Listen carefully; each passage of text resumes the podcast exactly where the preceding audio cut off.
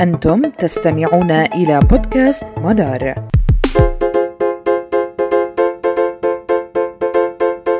أهلا بكم في المركز الفلسطيني للدراسات الإسرائيلية مدار.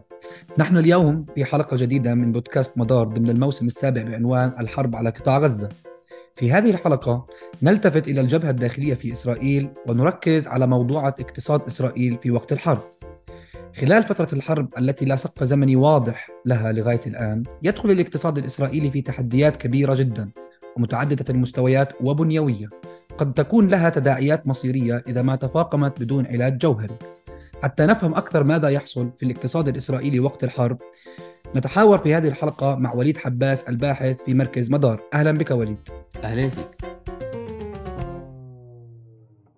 وليد لماذا الحديث عن الاقتصاد الإسرائيلي مهم الآن في هذه اللحظات بالذات؟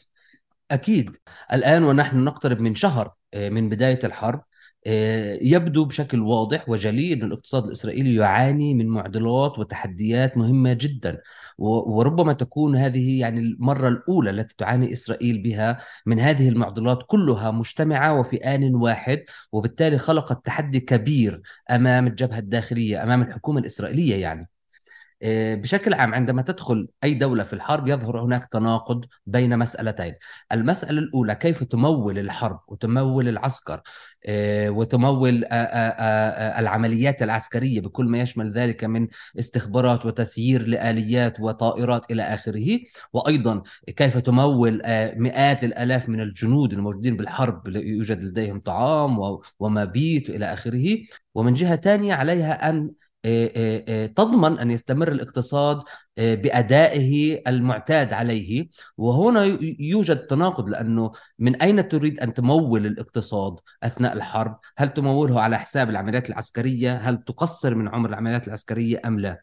الآن الواضح عندنا داخل إسرائيل أنه هناك على عدة جبهات اقتصادية إذا سمحت انه أستخدم هذا التعبير، هناك معضلات حقيقية قد يعني هي لم توصل إسرائيل حتى الآن إلى مفترق طرق ولكنها آخذة بالتفاقم وهذه لازم يجب أن نشرحها حتى نعرف أين تذهب إسرائيل اقتصاديا. في سياق استعراض أهمية الحديث عن الاقتصاد الإسرائيلي في هذه اللحظات وليد تحدثت عن مجموعة من المشكلات نعم. أو جبهات اقتصادية كما وصفتها تعاني أو ستواجه فيها إسرائيل معضلات. نعم. هل لك أن تحدثنا أكثر عن مشكلات الاقتصاد الإسرائيلي أكيد منذ يعني بداية الحرب؟ أنا بدرك إنه موضوع الاقتصاد أحيانا قد يكون معقد ولكن أنا راح أشرحه بطريقة كثير سلسة. إيه هناك إيه لجنة وزارية مصغرة أو كابينت اسمه الكابينت الاجتماعي الاقتصادي اجتمع إيه عدة مرات ولكن في 31 10 اجتمع برئاسة بنيامين نتنياهو ووضع إيه العديد من المهمات الملحة أمام صانعي القرار فيما يخص الموضوع الاقتصادي. إذا استعرضنا أهم أربع آه، مجالات آه، قرر كابينت الاقتصادي إنه يتدخل فيها بشكل فوري إحنا بنقدر نلقي الضوء وين المعضلات الموجودة حاليا في الاقتصاد الإسرائيلي. آه، والمواضيع الأربعة هي كالتالي. بداية يجب على الاقتصاد الإسرائيلي أن يستمر على ال macro level على المستوى العام الكلي أن يقوم بأدائه كما يجب. إحنا لما نتحدث عن الاقتصاد الكلي إحنا نتحدث عن قيمة الشيكل التي ربما تفقد الشيكل يفقد قيمته أمام العالم. إحنا شفنا كيف أنه نزل أمام الدولار. إحنا, إحنا نتحدث عن العمالة. آه، في هناك قلة بالعمالة في هناك تقريبا 750 ألف شخص قاعدين عن العمل وسوف تخلخل أداء الاقتصاد الإسرائيلي، نحن نتحدث عن التصنيف الائتماني، ثقه الممولين والمستثمرين في إسرائيل، ونحن نتحدث أيضا وهذا أهم عن العرض والطلب، بما إنه هناك في ناس ذهبوا إلى الحرب وفي هناك بطالة فبالتالي لا يوجد هناك رواتب. هذا يعني لا يوجد هناك استهلاك. هذا يعني إنه المصانع لن تصنع بنفس الكمية ونفس الحجم اللي كانت عليه قبل الحرب. هذا يدخل إسرائيل في كساد يدخل هناك ارتفاع أسعار. هذا سوف يكون له تبعات ما لم تتدخل. هذا ما يقصد به لما نتحدث عن الماكرو اقتصاد. هذه أول قضية على الكابينت إنه يتدخل فيها. القضية الثانية والتي لا تقل أهمية ومربوطة فيها هي كيف يمولوا الحرب. آه، حسب الإحصائيات الموجودة بين إيدينا وبعد ما رجعنا للعديد من التحليلات الاقتصادية تبين أنه إسرائيل تصرف على العمليات الحربية يوميا ما يقارب مليار شيكل. هذا كمية ضخمة جدا جدا. من أين سوف تأتي من هذه في هذه الأموال؟ وإحنا بنعرف أنه إسرائيل لديها ميزانية عالية جدا ميزانية حكومية. هذه الميزانية مقسمة على العديد من الوزارات على التعليم وعلى الصحة وعلى العسكر وعلى الأمن إلى آخره. آه، بدهم إعادة توجيه داخلي. هذا راح يكون تمويل الحرب راح يكون على حساب آه، جوانب أخرى داخل الدولة. وهذه بحد ذاتها راح تخلق أيضا آه، تبعات راح نشوف آثارها بداية العام القادم. المشكلة الثالثة هي مشكلة العمالة. آه، هناك 350 ألف إسرائيلي تم سحبهم من السوق وذهبوا للمشاركة في الحرب. وهذا هم يسموا قوات الاحتياط. هدول خرجوا من السوق. فيهم محامي فيهم مهندس فيهم طبيب وفيهم معلم إلى آخره. خذ على سبيل المثال قطاع ال high-tech لوحده. قطاع ال high-tech يشكل 15% من الناتج القومي الإسرائيلي بمعنى إنه له مكانة آه، مرموقة جدا وهو جزء أساسي من اقتصاد إسرائيل. من داخل هذا الاقتصاد 10% اقتصاد الهايتك 10% من العاملين فيه ذهبوا إلى الجيش بمعنى أنه سوف ينتج هذا الاقتصاد واللي هو يعتبر باكورة الاقتصاد الإسرائيلي سوف ينتج بنسبة أقل ب 10% إضف إلى ذلك في موضوع العمالة العمال الفلسطينيين. وهي الأعمال المتدنية في الاقتصاد الإسرائيلي تتعلق بالبناء بالخدمات بالفندقة بالزراعة إلى آخره. نتحدث عن من 150 ل 200 ألف عامل فلسطيني. هدول تم إخراجهم من سوق العمل وحكوا لهم يعني المجتمع الإسرائيلي غير قابل أنه يرى فلسطيني يعمل داخل إسرائيل الآن ومن غير المعروف قديش رح يضلوا هدول. أيضا هذا يؤثر فعنا عمالة مشكلتها كبيرة جدا هذا يؤثر على الاستهلاك إلى آخره. قضية الرابعة والأخيرة هي التعويضات وهذه الآن يدور حولها مشكلات كبيرة داخل إسرائيل. بقصد في التعويضات أنه عند اندلاع الحرب هناك الكثير من المتضررين. أنا بدي أشير إلى نوعين فقط من المتضررين. المتضررين رقم واحد هم الذين كانوا يسكنوا في مستوطنات غلاف غزة هؤلاء تدمرت بيوتهم تدمرت محالهم التجارية تدمرت مصانعهم الصغيرة تدمرت مزارعهم وأيضا منازلهم. هم الآن لا يوجد لديهم منازل. الدولة مسؤولة عن هؤلاء الأشخاص. تم إخلاء تقريبا 22 مستوطنة وموزعين في فنادق بياكلوا وبيشربوا وبيناموا. مين بده يصرف عليهم؟ الدولة بدها تصرف عليهم. وأيضا بدها تعوضهم بدها تعوض تبني مدنهم تبني مستوطناتهم لاحقا. هذا بحاجة لضخ المزيد من الأموال. إشي آني حتى يعالجوا أين يسكنوا وكيف يعيشوا وإشي على المدى المتوسط كيف يعيدوا بناء النوع الثاني من المتضررين هم كل المجتمع الاقتصادي في إسرائيل. بمعنى في هناك العديد من المصالح التجارية أو البزنسز إذا استخدمنا هذه الكلمة تضررت. إشي تضرر بشكل كبير إشي تضرر بشكل صغير. هناك مصالح تجارية ضخمة جدا تدير أموال بالملايين سنويا. هناك مصالح تجارية صغيرة جدا على صعيد مثلا محال تجاري. المعظم تضرر المعظم عمل downsizing بسموها بالاقتصاد بمعنى إنه أخرج جزء من المصاريف التشغيلية اللي بتتعلق برواتب الموظفين أو العمال اللي عنده بإنه آه، أعطاهم آه، إجازة بدون راتب. فبالتالي فبالتالي هون إحنا العجلة الاقتصادية كلياتها مرتبطة ببعض. هذه أهم المشكلات اللي بتعاني منها إسرائيل. طيب وليد بما أنك تحدثت عن أهم المشكلات التي تواجه الاقتصاد الإسرائيلي بالشكل العام نعم. دعنا نسلط الضوء أكثر لنأخذ مثلا قضية العمالة. يعني نعم أنا بعتقد إنه مهم جدا آه، لما نطلع على التناقض بين أداء الاقتصاد وبين الحرب. وهذا يعني إسرائيل تعاني منه بشكل واسع النطاق الآن وبشكل متفاقم. في هناك ثلاث أنواع من النظريات الاقتصادية وهي يعني أنا بعتقد أنها حتى متداخلة ولكن إذا حكيناها كثلاث نقاط مهم نعرف كيف إسرائيل عم تتدخل حتى تواجه هذه الأشياء. آه، آه، النظرية الأولى هي يعني أكثر كنزية آه، النظرية الكنزية في الاقتصاد تعني أنه على الدولة أن تتدخل فورا في كل مرافق الاقتصاد وأن تحميه. بمعنى أنه لا يعمل الاقتصاد لوحده آه، اليد الخفية العرض والطلب يوجه نفسه بنفسه وهذا هو الاقتصاد الرأسمالي. صحيح. ولكن على الدولة أن تتدخل وبشكل أكثر وأكثر وأكثر آه، في كل مجالات الاقتصاد. هذا واحد. اثنين في هناك النظرية النقدية اللي تتحدث إنه تدخل مزيد من الأموال داخل الاقتصاد من شأنه إنه ينقذ وقت الحرب. وإحنا هذا شفناه في تدخل البنك المركزي الإسرائيلي لما باع تقريبا 30 مليار من السندات المالية التي بحوزته حتى يمول الاقتصاد وأيضا بده ينزل سعر الفائدة حتى الناس تطلع مصاريها بالبنك بعد ما تلاحظ إنه الفائدة نزلت وتعيد ضخها بالسوق حتى تجيب منها فائدة أكثر. هذا بيعمل حركة بيعمل تدوير للمال والنقد داخل الاقتصاد. والنظرية الثالثة هي نظرية إعادة الضبط البنيوي بمعنى إنه الدولة والبنك المركزي وكل صناع القرار بدهم يعيدوا ضبط مرافق الاقتصاد مع بعضها البعض بمعنى إنهم يتدخلوا في الاستهلاك أو يخلقوا ميكانيزمات تشجع الاستهلاك آه، آه، آه، يلقوا ضوء أكثر واهتمام أكثر على الزراعة على حساب الصناعة أو على السياحة على حساب إلى آخره. فحتى هم يعيدوا بنيويا ترتيب الاقتصاد الإسرائيلي بما يخدم استمراره في ظل ظروف غير تأكدية. مش معروف متى تنتهي الحرب وما ما هي الآثار اللي سوف تترتب عليها. فيما يخص موضوع العمال. نتحدث أكثر وليد في موضوع العمال عن الشقين اللي ذكرتهم الشق الأول فيما يتعلق بالعمال ال ال ال اليهود خلينا نقول الاسرائيليين داخل المجتمع الإسرائيلي والعمال العرب. وأنت نعم. عملت على يعني على ما يبدو فصل ما بين القطاعين.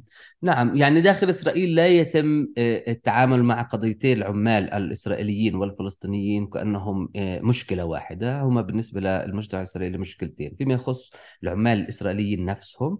آه، ربما لا يجب أن نستخدم كلمة عمال نستخدم كلمة العاملين. آه، في الاقتصاد الإسرائيلي لأنه نقصد بالعاملين أيضا المهندس وأصحاب آه، المهرة في الهايتك وأيضا أصحاب البزنسز إلى آخره.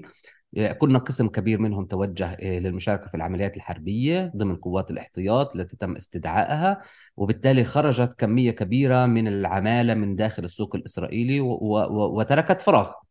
أضف إلى ذلك في هناك العديد من المصالح التجارية خصوصا في قطاع بيع الملابس والنسيج إلى آخره. أيضا عملت تقليص جدا في العمالة اللي عندها وأقعدت العديد من موظفيها في المنازل.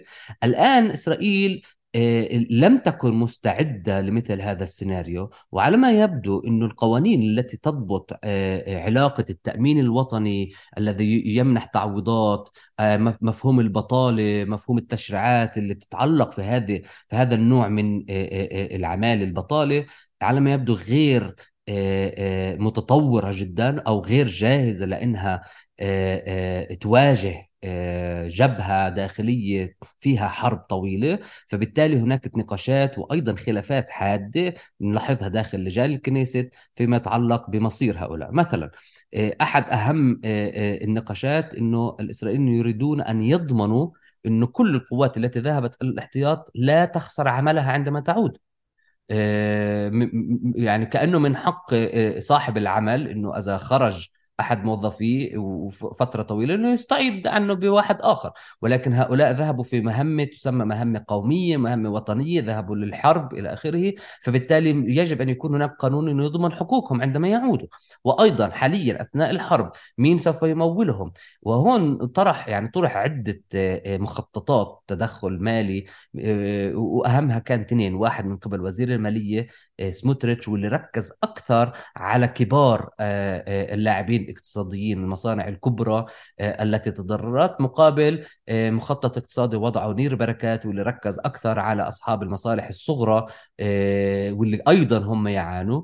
طبعا هون أجندات وأولويات لدى صناع القرار الإسرائيليين كيف يعالجوا هذه القضية.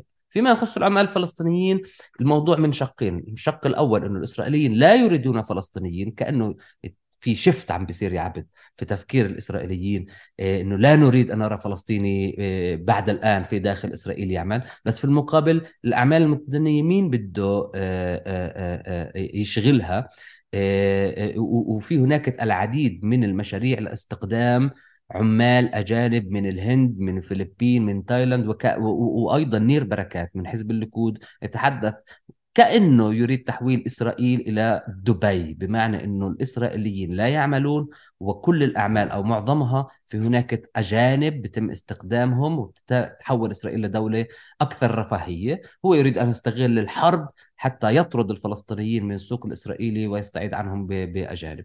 ما مدى آه، معقولية أو إمكانية آه، تحقيق مثل هاي الأهداف اللي اللي ذكرتها؟ أقصد استخدام العمالة الأجنبية. ما مدى نجاعة هذا الطرح أساسا؟ هل هو واقعي قابل للتحقق في ظل حالة التداخل ما بين الاقتصاد الفلسطيني والاقتصاد الإسرائيلي؟ أنا لا أستطيع أن أجيب عن هذا السؤال الآن ولكن أستطيع أن أعطيك بعض المؤشرات. أحد المؤشرات لما نحكي عن العمالة الفلسطينية هي ليست فقط موضوع متعلق بالاقتصاد الإسرائيلي بمعنى لا موضوع العمال الفلسطينيين لا يتعلق فقط إنه يوجد في الضفة الغربية آه، آه، عمال أيدي رخيصة نستطيع الاستفادة منهم ويتم التعامل معهم من منظور أمني أيضا نعم إنه شاهدنا نعم. بعض التعليقات اللي واليوم يمكن كان في بعض التسريبات اللي قالت إنه نتنياهو بتوصية من الجيش ومن آه، الشباب طلب أن يتم تقديم تعويضات حتى وإن تم تمويلها من بعض الدول الأجنبية من أجل ضمان ألا يحدث توتر في جبهة الضفة الغربية لأنه في مجموعة أو مئات الآلاف نقول من العمال الذين عمليا هم عاطين عن العمل من بداية هاي المعركة. 100% كلام سليم جدا. وبالتالي أنا يعني أقترح أنه ننظر لموضوع العمال الفلسطينيين على مديين على المدى القصير وعلى المدى البعيد. على المدى القصير ربما لا يوجد خيارات لإسرائيل سوى أن تدخل العمال الفلسطينيين ليسدوا ثغرات أساسية خصوصا في سوق في في في مجال البناء.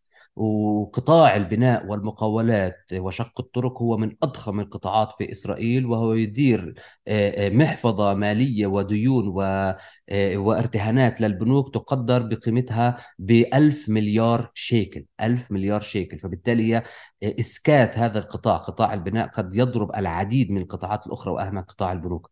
هذا على المدى القصير قد لا يكون هناك آه، آه، آه، بحبوحة من الوقت لاستحضار عمال أجانب لأنه هذا يترتب عليه علاقات دولية مختلفة وتنسيق مع دول أخرى وهناك قوانين وضوابط يجب أن توضع إلى آخره. ولكن على المدى البعيد هذا ممكن جدا إذا رأت إسرائيل أنه تغير عقيدتها أو ما يسموه باللغة العبرية الكونسبتسيا كيف بنظروا للفلسطينيين هم ينظروا إلى الفلسطيني أنه إذا استحضرته يعمل عندي هذا يعمل هدوء داخل الضفة ربما يكون تغيير للأمام في هذا الشيء ولكن لا نستطيع التكهن به. ولكن ماذا يوجد بحوزة إسرائيل من خيارات لتواجه التحديات الاقتصادية؟ إحنا بنعرف أنه آه، العديد من الدول آه، المحيطة آه، الإقليمية آه، تقيم علاقات أيضا اقتصادية مع إسرائيل وهي يعني إسرائيل تستفيد من هذه العلاقات. مثلا عندما تم إيقاف حقل الغاز لفيتان في البحر الأبيض في البحر الأبيض المتوسط مع بداية الحرب هذا كان ينذر بارتفاع أسعار المحروقات داخل إسرائيل خصوصا الغاز. ولكن لاحظنا إنه لم ترتفع. هذا يعني إنه إسرائيل تستفيد من علاقاتها آه، والأنابيب الممتدة بينها وبين جاراتها. أيضا لاحظنا أن الولايات المتحدة مولت إسرائيل برشقات من الأموال آه، اللي راح توصل تباعا والإسرائيل أحيانا حرة كيف توزعها داخل الاقتصاد مع إنها هي بالأساس جاية كتمويل للعمليات العسكرية. المجهود الحربي. للمجهود الحربي نعم. فبالتالي يعني إنقاذ إسرائيل نقصد فيه تدخل دول أخرى مساعدتها أو إسرائيل أنها تتخذ إجراءات داخلية لحماية الاقتصاد هذا غير واضح معالمه حتى الآن. نحن ما تنزال في خضم النقاشات المتعلقة بالاقتصاد وما تزال التحديات التي تواجه الاقتصاد الإسرائيلي في تفاقم. آه، صحيح إنها لم تصل مرة أخرى إلى مفترق طرق مصيري ولكنها آخذة في التفاقم. دعني أسألك سؤال أخير وليد، من خلال متابعتك وإطلالك على آه، آه، الاقتصاد الإسرائيلي، هل هذه الحالة مسبوقة للاقتصاد الإسرائيلي؟ خصوصا أننا نتحدث عن تغيرات بنيويه في الاقتصاد في الفترات التاريخية المختلفة. بمعنى آه، إسرائيل أعلنت حاله الحرب هي آخر مرة كان بالعام 1973 في حرب تشرين أكتوبر في ذلك العام. إحنا بنتحدث عن اقتصاد إسرائيلي مختلف كليا عن الاقتصاد الإسرائيلي بالعام 2023 هل هذه الحالة آه، بتقديرك آه، آه، يمكن خلينا نقول التعامل معها والتوقف وعلاج آثارها بسهولة أو حتى وضع خطط واستراتيجيات لإدارتها والسيطرة عليها خلال الحرب أم, أم أننا أمام ظاهرة وحالة غير مسبوقة وجديدة كليا بالنسبة للاقتصاد الإسرائيلي؟ أنا قرأت العديد من التحليلات الإسرائيلية والأجنبية حول الاقتصاد الإسرائيلي البعض كان يقول تعالوا نذهب إلى التاريخ لنقرأ ماذا حصل في إسرائيل في 73 أو 82 أو 2006 باعتبارها أنها يعني حروب كبيرة. ولكن هذاك اقتصاد مختلف عن الاقتصاد الإسرائيلي الحالي هذا واحد. اثنين الكثير من الظروف الداخلية والإقليمية والدولية كانت مختلفة. بمعنى في هناك حروب شنتها إسرائيل ذهب آه، آه، آه، جراءها ضحايا أكثر داخل المجتمع الإسرائيلي ولكن لم يتم استدعاء هذا الكم من الاحتياط. الآن إحنا لدينا لأول مرة يتم استدعاء كمية ضخمة من الاحتياط تناهز 300 ألف وما تصل إلى 350 ألف. ثانيا من غير المعروف كم سوف تستمر هذه الحرب فبالتالي على صناع القرار الإسرائيليين وهم يقوموا بذلك الآن أن يضعوا سيناريوهات. في حال توسعت ماذا نعمل؟ في حال لم تتوسع ماذا نعمل؟ في حال طالت أشهر ماذا نعمل؟ كل هذا سوف يؤثر على الاقتصاد. وأيضا لا ننسى أن إسرائيل تتمتع بعلاقات آه، اقتصادية آه، متينة جدا مع العديد من دول العالم. وهذه العلاقات قد تكون هي إنقاذية في هذا الوقت بالذات. ولكن أيضا هذا لا يعني إنه كل مسألة الاقتصاد مضبوطة بشكل محكم ويوجد هناك خطة إنقاذية لها. لا هذا يعني قد تكشف عنه قادم الأيام آه، كيف تتدحرج سيناريو الحرب ولا أين تأخذنا وتأخذ معها الاقتصاد الإسرائيلي. شكرا وليد ويعطيك العافية. نعم كما تفضلت يعني هي معركة مفتوحة على كثير من المتغيرات والمفاجآت. شكرا وليد. شكرا لك عبد.